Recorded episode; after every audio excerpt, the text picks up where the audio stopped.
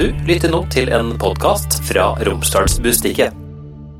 Hør på henne presenteres av DNB, din økonomiske rådgiver fra A til Å. Hun er utdanna klesdesigner og startet opp sin egen virksomhet i Molde. Siden har hun stått på seint og tidlig og laga flere kolleksjoner inspirert av byens næringsliv, som Oskar Sylte, Kossberg og Oshaug Metall. Først da hun var 30 år, fikk hun forklaringen på hvorfor hun har så høyt energinivå. Trude Nistad, velkommen til Hør på henne. Tusen takk.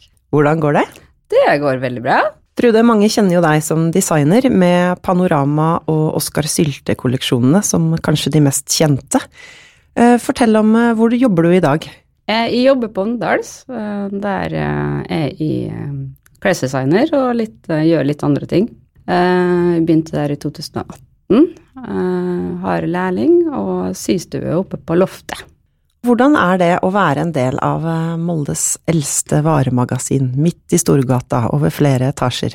Det, det er jo veldig spennende, og så jobber man jo kanskje ikke bare med én ting. Jeg er jo ansatt som klesdesigner, men jeg har jo laga nettsider og jobber mye med den. Lager litt annonser og hjelper til i butikken innimellom. Og det er veldig forskjellige arbeidsoppgaver som gjør at det ikke noen dag blir lik, og det er gøy. Før du begynte på Åndals, da drev du jo for deg sjøl. Altså, du hadde jo butikker flere steder i byen. Hvordan er det å gå fra å drive sitt eget til å bli ansatt? Når den prosessen skjedde, så var det jo utrolig deilig og en lettelse, eh, på grunn av at det hadde vært eh, en intens periode eh, i forkant. Du har jo mer bundet opp til en arbeidstid i forhold til at du kan være litt mer fleksi når du driver for deg sjøl. Og så er det vel det at du får litt mer tøyler. Og det kan jo være positivt. Du har også vært sterkt engasjert i Molde sentrum, i Poppeloppeteatret, du har arrangert store moteshow, bare for å nevne noe, da. Hvordan har du hatt energi til å stå på, sånn som du har gjort gjennom mange år? Nei, det er jo driven og interessen og det å skape noe er vel det som har vært det, det som har gitt mest, da. Og, og, det at du ikke tenker så langt at det kommer til å ta så mye tid eller ta så mye ressurser, det er en fordel. at, du ikke, at, du ikke, er helt gjennomtenkt. Litt sånn dårlig impulskontroll. Eh, og så ønsket om å gjøre det skikkelig, og gjøre det bra, og, og et øye for detaljer. Så det baller jo litt på seg. Du skal lage din egen musikk til et eget fordi at du vil høre metallet klirre, og det skal høres ut som et verksted der de smir propeller, liksom. Mm. Hva er det mest krevende av disse prosjektene du har gjort? Det største Det, det tror jeg faktisk må være Oshaug Metall. For da laga jeg både smykker og propeller, og jeg laga utskjærte metallpropeller til kjole, som en brynje, nesten. Um, og jeg tror jeg brukte i overkant av 14 000 Swarovski-krystaller på en uh, som var håndsatt på en kjole. Så det var en ganske sånn Ikke stor kolleksjon, men en veldig, veldig krev Masse forskjellige materialer som ble brukt, da, på grunn av, av inspirasjonsfeltet. Mm. Og når du har holdt på med disse svære moteshowa, enten det var i Oskar Syltefabrikken eller på Brunvoll eller hos Oshaug Metall, hva er, måte, hva er, det som ligger bak? Hva er det som gjør at du ønsker å samarbeide med disse bedriftene og skape design ut av det? Det var vel en av de første tingene jeg tenkte når jeg starta opp i Molde som klesdesigner med eget merke, da, at jeg skjønte ikke hvorfor folk måtte dra på inspirasjonstur til Tokyo eller India eller sånn, når man hadde så mye man kunne ta av i det lokale, da. Sånn som Fjell var jo det første, altså Panorama, og så har jeg vært genuint interessert i how does they make it? Altså hvordan funker det? Hvordan lager de det, eller sånn Og det å få lov å komme og se og lage og forme ut ifra det de gjør, det, det lag, gjør at du får ekstra mye inspirasjon, da. Og så hjelper det jo selvfølgelig at det er ja-mennesker rundt omkring som, som også har lyst til å være med og leke. Det var bra for meg, og det er bra for dem. Det har jo vært færre av de helt store prosjektene i det siste, da, men har du noen uh, ideer til ting du har lyst til å få til uh, i framtida også? Ja, altså det vi skal Det vi gjorde, gjorde mye før, var at jeg laga en av hver størrelse med egenproduksjon som var produsert i Molde når jeg hadde egen butikk, og det skal vi starte opp igjen med nå. I tillegg så er det, det, det er masse på blokka som kunne vært gøy å, å leke seg med. Det er vel En av dem er vel å jobbe med superb eh, konfeksjonsfabrikkhistorien. Og, for jeg har ekstremt mange Arva veldig mange mønster derfra som jeg har uh, liggende på jobb. Og i tillegg så jeg har museet, Romsdalsmuseet ekstremt mye plagg som, som ligger arkivert. Så å rekonstruere og bruke Superb konfeksjonsfabrikken sin historie til å lage en kolleksjon i en nåtidsversjon, det hadde vært veldig gøy. Og da er vi i gården ved Gottfred Lieds plass, som nylig har hatt en eh, stor rolle i eh, filmen om gulltransporten, ikke sant? Mm, ja, stemmer det. Molde var jo den ledende leverandøren av klær til Oslo og Trondheim og Bergen og Så det er veldig, veldig mye innen, eh, innen konfeksjonshistorie fra Molde og omegn, da, som hadde vært gøy å ta tak i.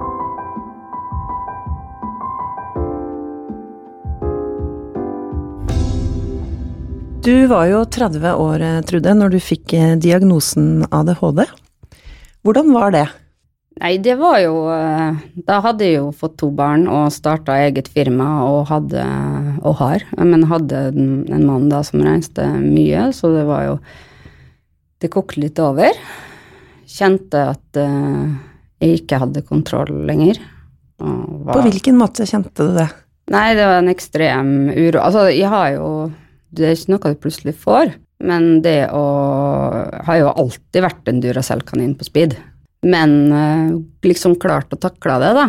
Og så har det vært tilbake i bakhodet, i hvert fall siden, siden videregående, at, eh, at jeg har kanskje litt mer energi enn andre. Men det, det har jo funka bra.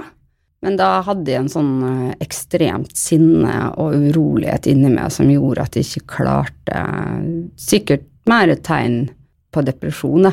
For det er jo en av tinga du går gjennom, og kriteriene for at du eh, får den diagnosen. Så jeg gikk til legen, og han eh, kjente meg personlig også, min daværende fastlege. Så sa han at ja, men den tanken har jeg jo tenkt på ganske mange ganger. Men eh, så jeg tror vi skal ta oss og melde det inn til Knausen, da, og få en skikkelig gjennomgang og en utredning. Var det en lettelse når diagnosen kom?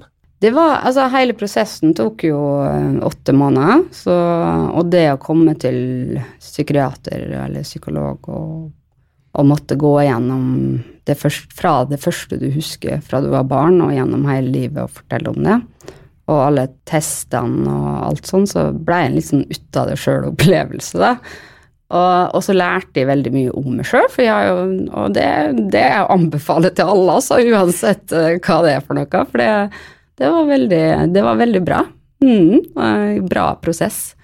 Og når det da endte med, med å begynne å teste ut medisinering, så, så har det vært livet før og etter medisin. Så du har hatt godt utbytte av å få medisin? Ja, ja, absolutt. Det er Å ja, er det sånn andre har det? du får liksom For jeg var jo redd for at de skulle miste det kreative, eller det der pågangs... Altså den der ekstra pågangsmotet. Men det har jeg uansett, det bare ligger i mine, eller familie, genene mine. Men det skjedde ikke, altså. Jeg fikk, jeg fikk en ro. En, det var enklere å, å, sortere og konsentrere seg og, og også ikke så edgy, da. Ikke så øh.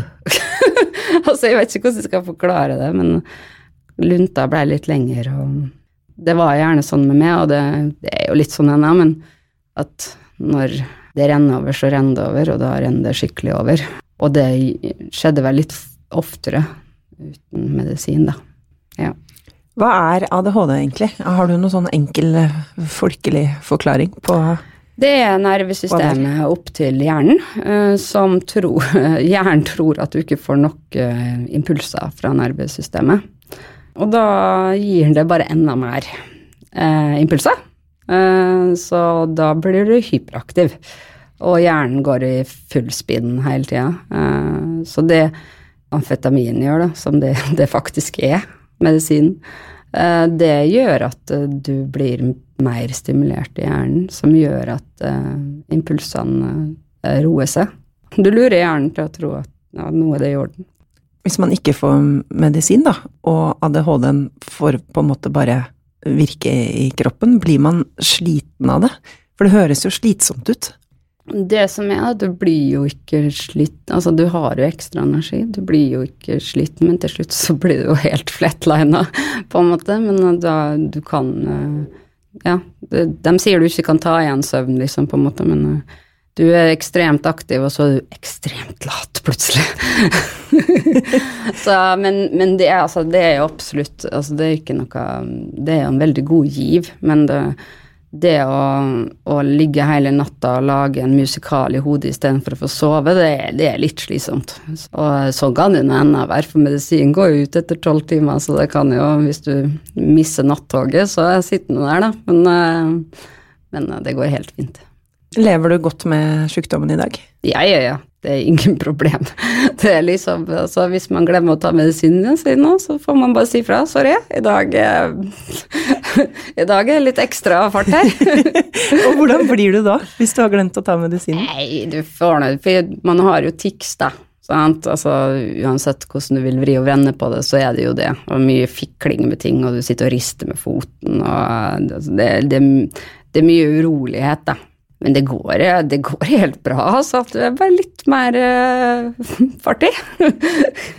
får du mye spørsmål om eh, ADHD? Det er jo en sykdom som får mye oppmerksomhet, både fordi at flere som uh, skulle fått diagnosen, ikke får den, og kanskje noen som ikke skulle hatt diagnose, får diagnosen. Man kan jo nesten selvdiagnostisere seg på nett, ikke sant. Ta ADHD-testen her. Ja, men du får nå ikke medisin av det. Du må jo gjennom en skikkelig grundig ut, uh, utredning, og uh, altså hvis uh, ADHD-medisin virker på det, så blir du roligere. Hvis du blir hyper av den, så har du ikke ADHD, altså. det, sorry, Mac. Da må det, det, være noe annet. Da må det være noe annet. Så det jeg får veldig mye spørsmål, og, og, og diskutere det gjerne og snakke. Og det, det, er ulikt for alle. Derfor kan du ikke bare si at sånn er det, og det trenger du, eller det funker på det, for det er så utallig mange medisiner, og det Jeg kan ikke bruke Retialin, f.eks. Det funker ikke på meg. Sånn som jeg var jo rolig, og, men når du kom i puberteten, så begynte jo hyperaktiviteten og overtenk... Altså alt det der eh, og det tror jeg det er spesielt for jenter. Uh, og gutter er kanskje motsatte, at de faktisk kan roe seg ganske mye etter uh, puberteten. Så jenter og gutter har helt ulike symptomer? Ja, ja, ja. Og, og, det er derfor det er vanskelig å oppdage på jenter også. At man på en måte tror at nei, det er bare litt treig, eller dette med konsentrasjon og lære, f.eks. At du kan lese samme side 20 ganger uten å få med hva som står der, og da går det dårlig på historieprøver, altså. Og da at du heller bare får et stempel som at du er litt treg, det kan ofte skje med jenter, altså. Så er det jo dette med foreldre som ikke har, har ADHD sjøl, og så har de barn som går gjennom denne prosessen, og masse spørsmål og For de kan jo ikke vite hva som foregår inni barnet sitt, og så er de kanskje veldig nysgjerrig på det. Så det er også mange som kommer og spør. Har du da noen generelle råd du kan gi? Ja, det er å stå i det. Fordi uh, første gangen jeg uh, prøvde medisin, så, så, ble jeg helt bomull i hodet. Altså jeg ble helt sånn Jeg ble ikke meg sjøl i hele tatt. Jeg var helt sånn akkurat som at jeg var nede oppa, liksom. Og det går over. Kroppen får uh, noe som man ikke har hatt før, og du må Og det sier de jo på utredning òg, men det er kanskje ikke man hører så godt etter. Men det kan ta tre uker til tre måneder før at medisinen har stabilisert seg. Ville du vært eh, ADHD-en eh, foruten eh, hvis du kunne velge? Nei. Da hadde jeg ikke vært meg sjøl. Det er bare gøy. Den er en del av deg? Ja, den er en del av meg, og den blir ikke borte bare av medisinen. Det, det, er fremdeles Og jeg tror faktisk det er den som også Når du trenger det lille ekstra når du er våken på tredje døgnet fordi at du skal gjøre ferdig en kolleksjon fordi du har en deadline og det kommer 700 stykker inn i en brusfabrikk, så er det nok den som gir den ekstra given. Altså. Det, og det, det, kan du se på ganske mange kreative men, og bra hjerner og bra mennesker opp gjennom verdenshistorien, at det, er nok, det er nok der det kommer fra.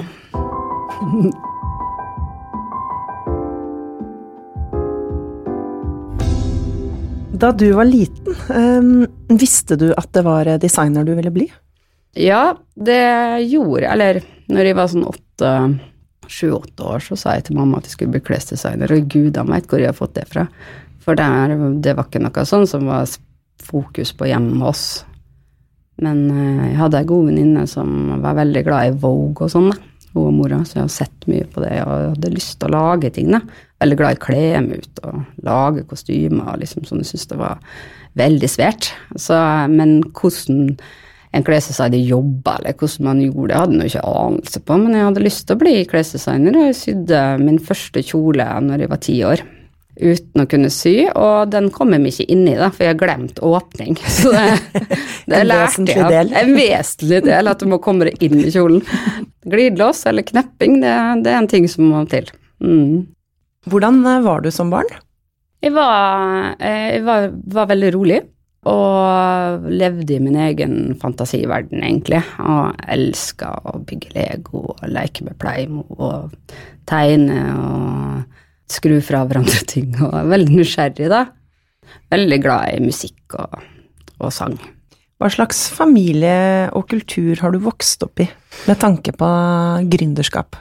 Ja, nei, vi har en lang rekke med gründere i min eh, familie. Det er det er alt fra um, oldemor og oldefar som hadde bakeri i Dale, eget bakeri, og min bestefar som hadde pensjonat og Nistad eh, taxi i Bygstad. Eh, mine tre, og den slekta videre også, tremeningene mine har Nistad Transport. Og på Kvalheim sin så er det jo Vidar Kvalheim som har starta Kvalheim Renseri. Der det er tekstil, Nordtekstil nå. De ble kjøpt av det. Og min far, som starta Molde regnskapsbyrå med seg sjøl og, og, en sekretær.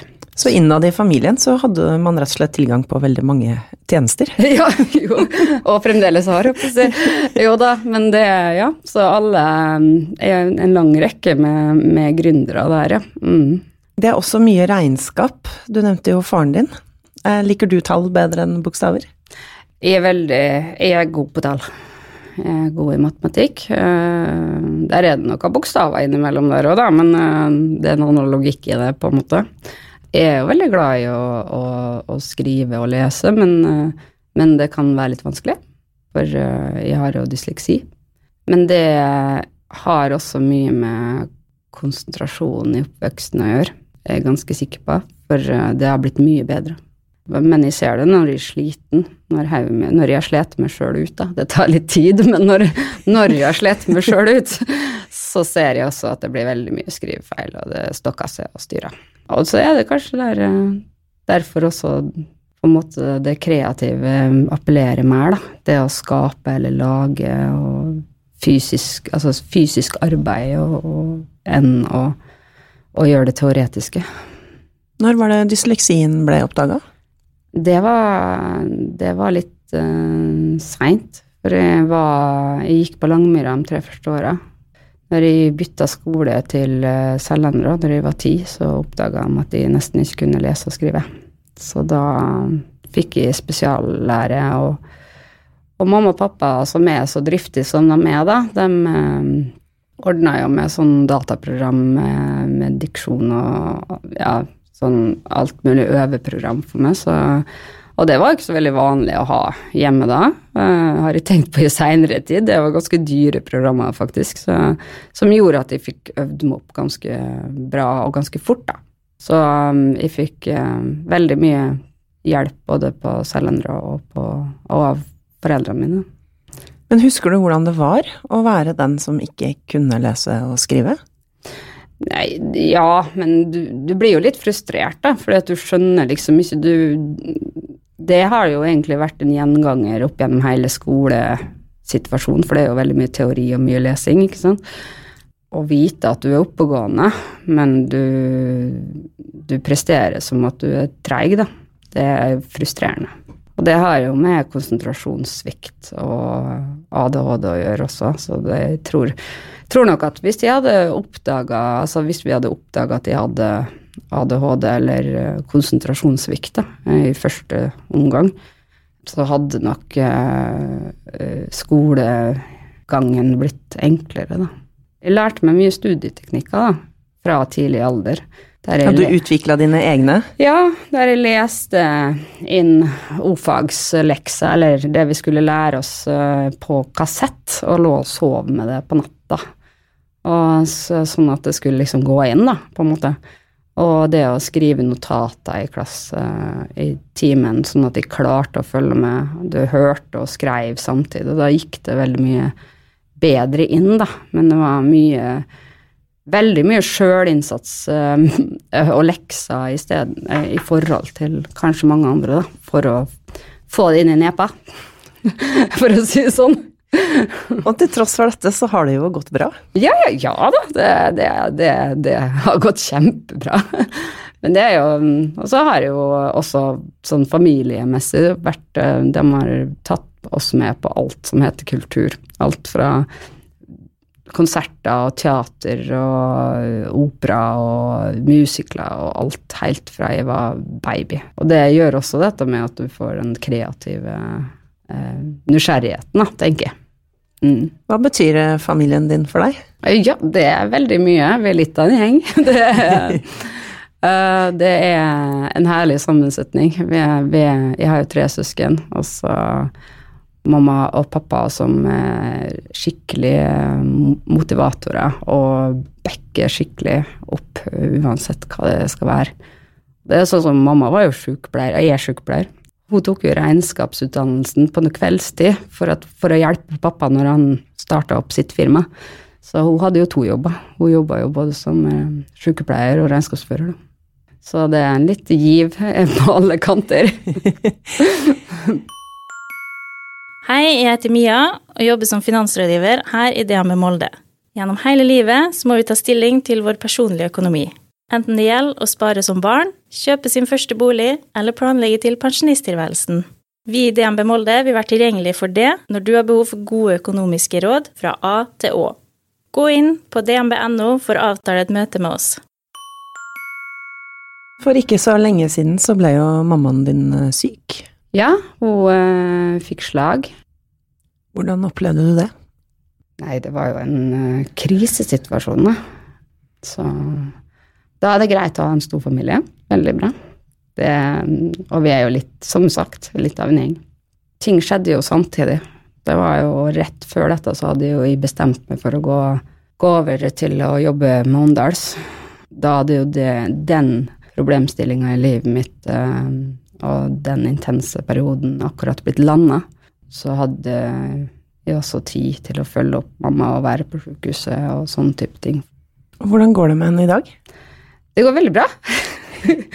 hun, um, hun våkna opp igjen uh, og måtte jo lære seg å, å svelle og, og, puste og spise og, og alt uh, på nytt. Veldig oppegående. Hun har jo ikke så mye tale. Eh, men eh, noe kan hun jo si, og vi har jo litt galgenhumor også i vår familie. Så det første vi barna lærte henne, var 'I vil ha vin'. og det kan jo hende, altså.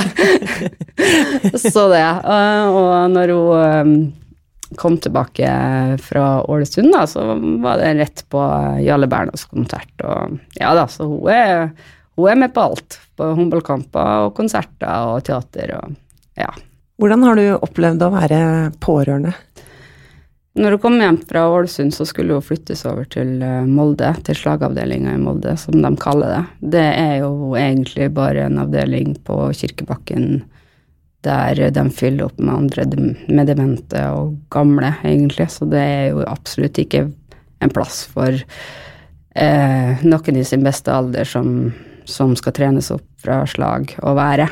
Det, og det var vel den eneste perioden de korte ukene hun var der, så var det vel den eneste perioden mamma var deprimert, tror jeg. Men eh, det funka absolutt ikke. Og da begynte jo prosessen med å få mamma hjem, og kunne ha henne hjemme. Og få assistent, eller hjemmesykepleier på dagtid og ekstratimer og Og utstyr som trengs eh, hjemme. Eh, både rullestoler, elektriske rullestoler og ja, det som skal være til, da, for at man trenger iPader og språksnakking og logopeder og, og, opplæring. Og det får man ikke uten at uh, man står på sjøl. Der er det også bra å ha en sånn livlig gjeng som står på. Vi syns jo dette var vanskelig, å få alt det vi trengte, og, og all den hjelpa som hun har rett på. Så uh, dem som ikke har sånne ressurser rundt seg, tror jeg kan oppleve dette som veldig vanskelig. Og kanskje ikke de får alt det de har krav på heller. Hva syns du om det? Det burde ikke være sånn, og jeg tror ikke det er meninga at det skal være sånn heller. Det, det er vel bare det at uh, kanskje ikke alle opplysninger når ut uh, til folk, eller kanskje dem du snakker med, ikke veit uh, om det du kan søke på, eller hva som trengs til dette, da.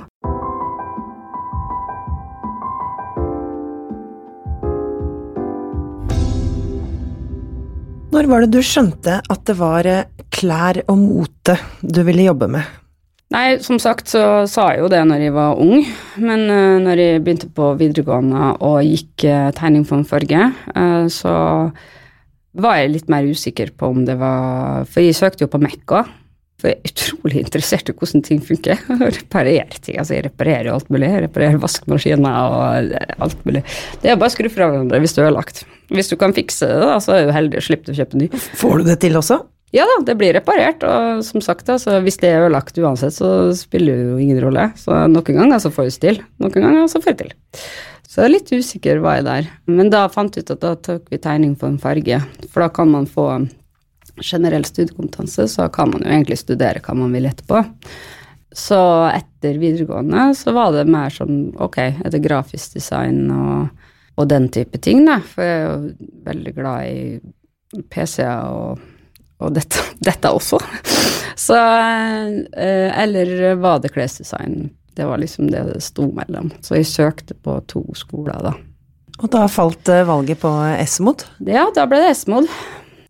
Var det en eh, like hard skole som ryktet tilsier? Ja, det, det var det. Bratt læringskurve og mye våkenetter. Absolutt. Og dyrt. Har det vært det? Ja, ja, absolutt. Eh, men eh, etter vi gikk der, for vi gikk jo også sammen med Olene Strande og Lilja Gjerstad fra Molde, og Fam Irevold, blant annet, så eh, fikk vi jo egentlig stengt ned den skolen, for det var for dårlig ledelse og for dårlig system, da, i forhold til hva det utga seg som. Eh, så Esmod i Norge ble jo stengt ned før det åpna igjen eh, for eh, noen år siden, og nå er det jo kjempebra. Hva var drivkraften din til å på en måte komme deg gjennom det? Nei, det er jo det. Det ene skapergleden, og det at du har genuin interesse i å, å, å se hvordan ting former seg, og, og, og, og lage produkter som folk selv, andre setter pris på, glede andre med det du lager, da. Det er noe spesielt med det tenker jeg. Samme som arkitekter, liksom. Å lage et, et bygg som Å forme noe som folk setter pris på, da. Det er ekstremt gøy.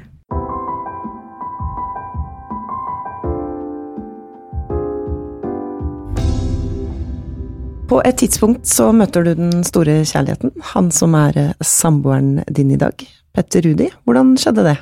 Det vet ikke helt om vi skal ta Ja, nei, altså, ja, nei det, det, Jeg møtte han, og så syntes han at de var søte og, søt og gøy. Søt og gøy, faktisk. Ja, jeg vet ikke, men jeg, han kom i hvert fall bort og snakka med meg. Så sa jeg at jeg var ikke interessert, for at han er fotballgutt. Hvorfor var, hvorfor var det interessant? Jeg syns ikke noe om den fotballkulturen. Rett og slett? Nei, det var bare inntrykk jeg hadde fra, fra videregående og sånn, om hvordan mange oppførte seg. Men likevel, da, syns, eh, så ble det jo noe mer? Ja da. Nei, han motbeviste meg. Han er jo utrolig smart og en veldig oppegående type.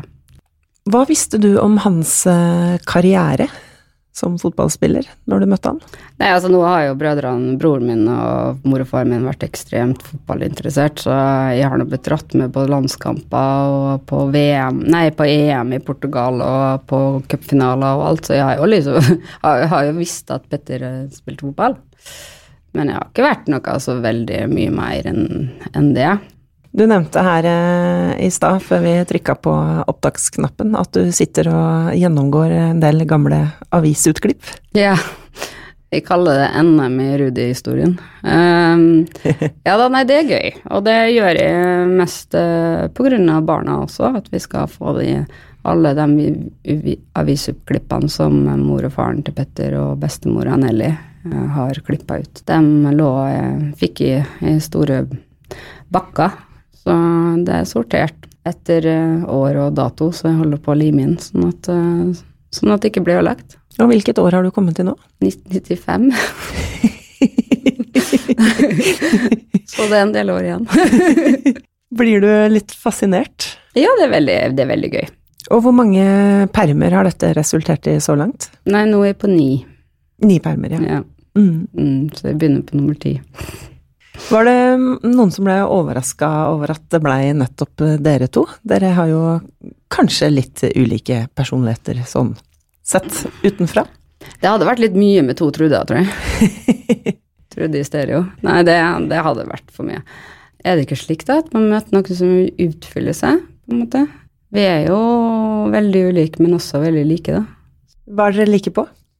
Nei, det, det har jo med holdninger og sånn hva vi tenker rett og galt og den type ting. Eh, og så er, er vi ganske tullete begge to. Han er ikke bare rolig, han er Rudin heller. Litt, eh, litt hyper begge to, tenker jeg. Og så, så er det mye humor. Så, men han lander med, og jeg får litt mer fart i han av og til. Så til sammen så blir det en sånn Ja. slags balanse her. Yep. Ja. Veldig bra.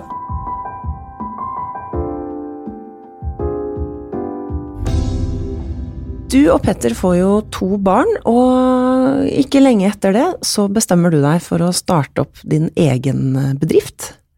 Ja. Hvor, hvorfor det? Der har du dette med gjennomtenking eh, som kanskje ikke alltid er like Altså, det var, det var jo veldig gjennomtenkt sånn sett, for jeg, jo, jeg var jo utdanna klesdesigner og hadde jo lyst til å jobbe med det, og før jeg møtte Petter også, så hadde jeg jo starta TN Design, som var Så jeg hadde eget atelier der jeg prøvde å jobbe opp eh, ting eh, samtidig som at jeg jobba i, i barnehage og i bar. Men eh, når jeg fikk barn, så syns savna jeg eh, klær til barn som var litt mer sånn de kunne vokse i, og litt sånn funksjoner. Og dette med at eh, alt var Hello Kitty og Supermann. Jeg var litt drittlei av rosa eller blått, liksom. Og hvordan ble det konseptet mottatt?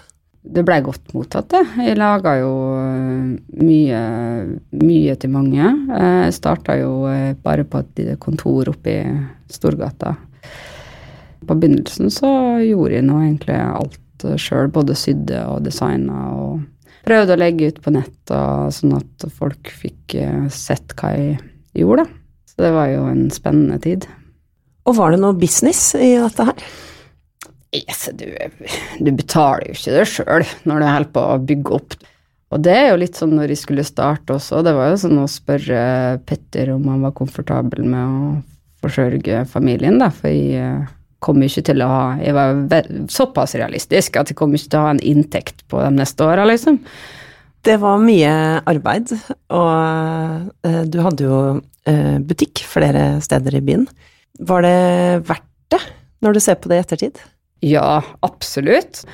Jeg var jo klesdesigner, og det synes jeg var veldig dumt. Altså, hvis jeg skulle bo i Molde, da, så måtte jeg jo bare lage min egen arbeidsplass, ellers så kunne jeg ikke jobbe med det som jeg hadde lyst til å jobbe med. Og det, det har vært veldig gøy. Men det er godt at jeg ikke visste hva jeg gikk til før jeg begynte, da. Det skal sies.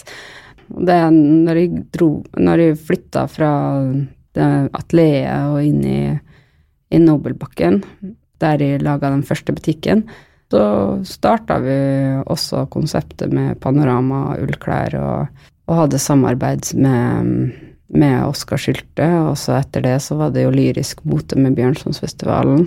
Og da, da begynte jeg å, å, vokse ut fra de lokalene, før jeg da flytta ned i Storgata og fikk eh, snart 200-300 kvadrat med Og hadde fire lærlinger, hovedsyerske og meg sjøl, og til slutt også sko, skomaker. Det, det var jo veldig gøy.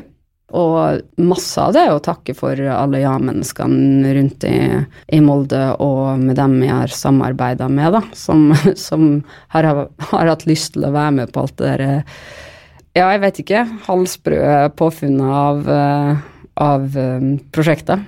Mm. Hvorfor ønska du likevel å, å bli designer hos Åndals? Når jeg var i Storgata, så så kom vi til et stykke der du blir såpass uh, Du blir såpass stor, eller du At det blir ganske mye arbeid som én person gjør, da. Og ikke minst likviditet til, å til å produsere store kolleksjoner og betale det på forskudd før du får det.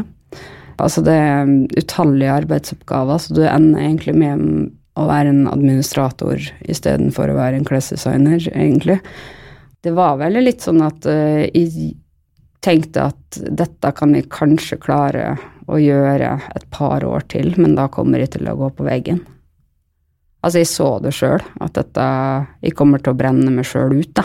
Selv du, med all den ekstra energien? Ja, og det vil jeg jo ikke skal skje. Ville jo ikke det.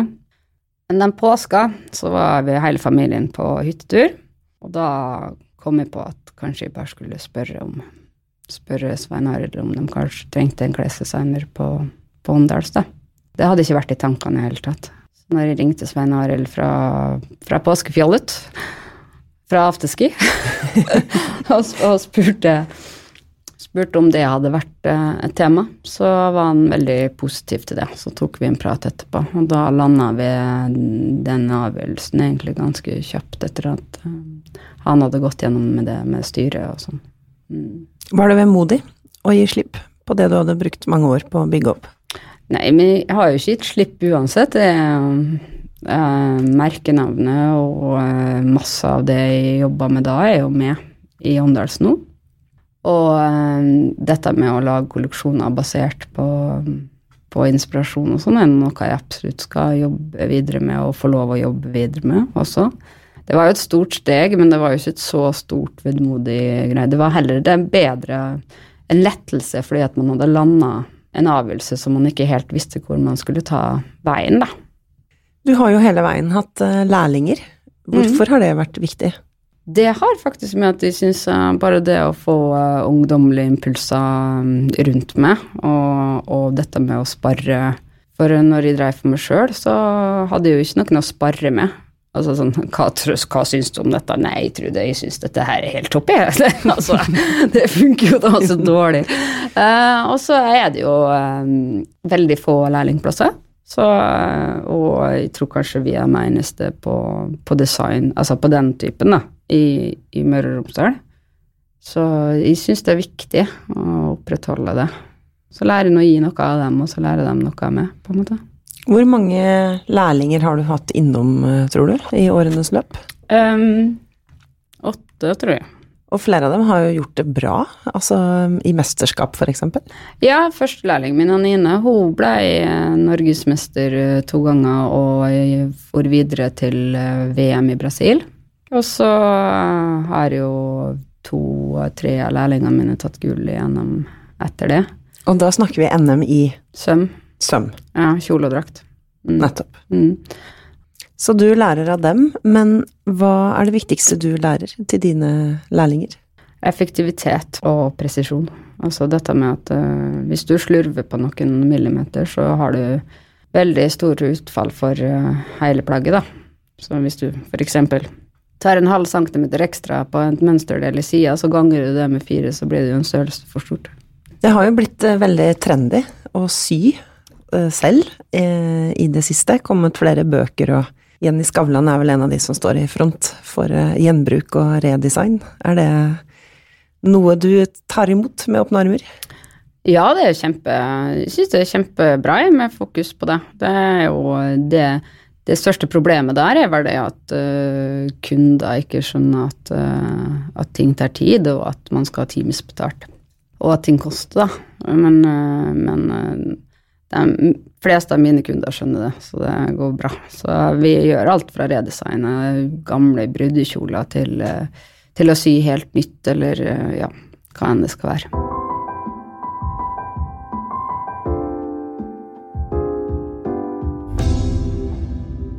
Trude, dere har kjøpt dere ny bolig, og det er et hus som eh, mange kjenner til. Det er tegnet av eh, arkitekt Bugge og er i funky stil.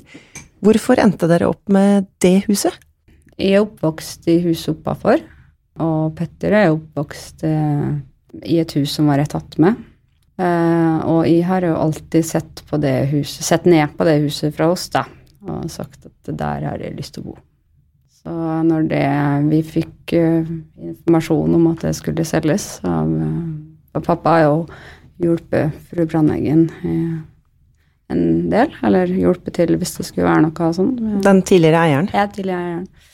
Hun sa fra til pappa at det skulle legges ut for salg, så ville hun at vi skulle komme og se, og så var det egentlig bare én ting å gjøre. Å prøve å få det i orden. Og da kuppet dere det før det ble lagt ut for salg? Eller hvordan var det? Ja. Rett og slett. Rett og slett. Det, det, gjorde vi. Hva gjør dette huset så spesielt? Det er jo eh, en ekstremt uh, gjennomført arkitektur på det. Uh, og det er teak på ramma av alle vinduene, og store vinduer og store flater. Og så var det ikke gjort noe med det. Altså, det var originalt innvendig. Det er en arkitektonisk perle. Har dere gjort mye med det før dere flytta inn? Ja, det er helt eh, renovert innvendig. Men i harmoni Jeg har laga designa en harmoni som er tatt fra utgangspunktet, fra fargepalett og fra det som For å komplementere huset, ikke for å lage det i en helt annen stil enn det det egentlig er beregna til.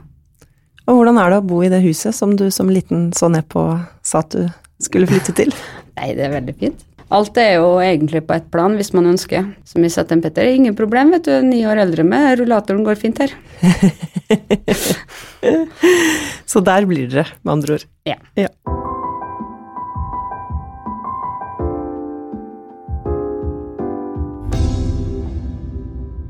Trude, du har blitt 40 eh, for ikke så lenge siden. Er det noen fordel med å bli skikkelig voksen? Prøv å si at jeg blir ikke voksen. Har ikke lyst til å bli voksen. Jeg vet ikke, det er jo kanskje livserfaringen, ja. Kanskje man blir litt uh, klokere. Men man må ikke glemme å likes uansett. Jeg tror du må prøve å holde en uh, fin balanse. Jeg har ikke reflektert så mye over det. altså Alder er bare tall for min del, egentlig. Jeg har jo venninner som er 72 og 18, så det er liksom ikke Det er ikke tema, egentlig. Har du noen råd eh, som du eh, vil gi videre til andre? Eh, jeg tror det egentlig må være at vær sånn mot andre som du vil at andre skal være mot det, faktisk. Det tror jeg kanskje er den beste måten å oppføre seg på. Da tror jeg det skal gå ganske fint. Hvilken kvinne ser du opp til? Eh, det er ganske mange, men jeg har jo eh, en uh, liten kjerne som jeg sparer veldig mye med, som er nær, og som har vært det i mange år. Og det er flere av dem, så det er litt vanskelig å bare si igjen. Trude Nystad, tusen takk for at du var gjest i Hør på henne. Takk for meg, og takk for at jeg fikk komme. Hør på henne er laget av Romsdals Bustikke. Produsenter er Stian Viken og Hanne Fleischer. Mitt navn er Vera Henriksen. Har du ris, ros eller innspill til gjester? Send meg en e-post på hennealfakrøll-r-b.no. Følg oss også gjerne på Instagram, så håper jeg vi høres snart. Hør på henne presenteres av DNB, din økonomiske rådgiver fra A til Å.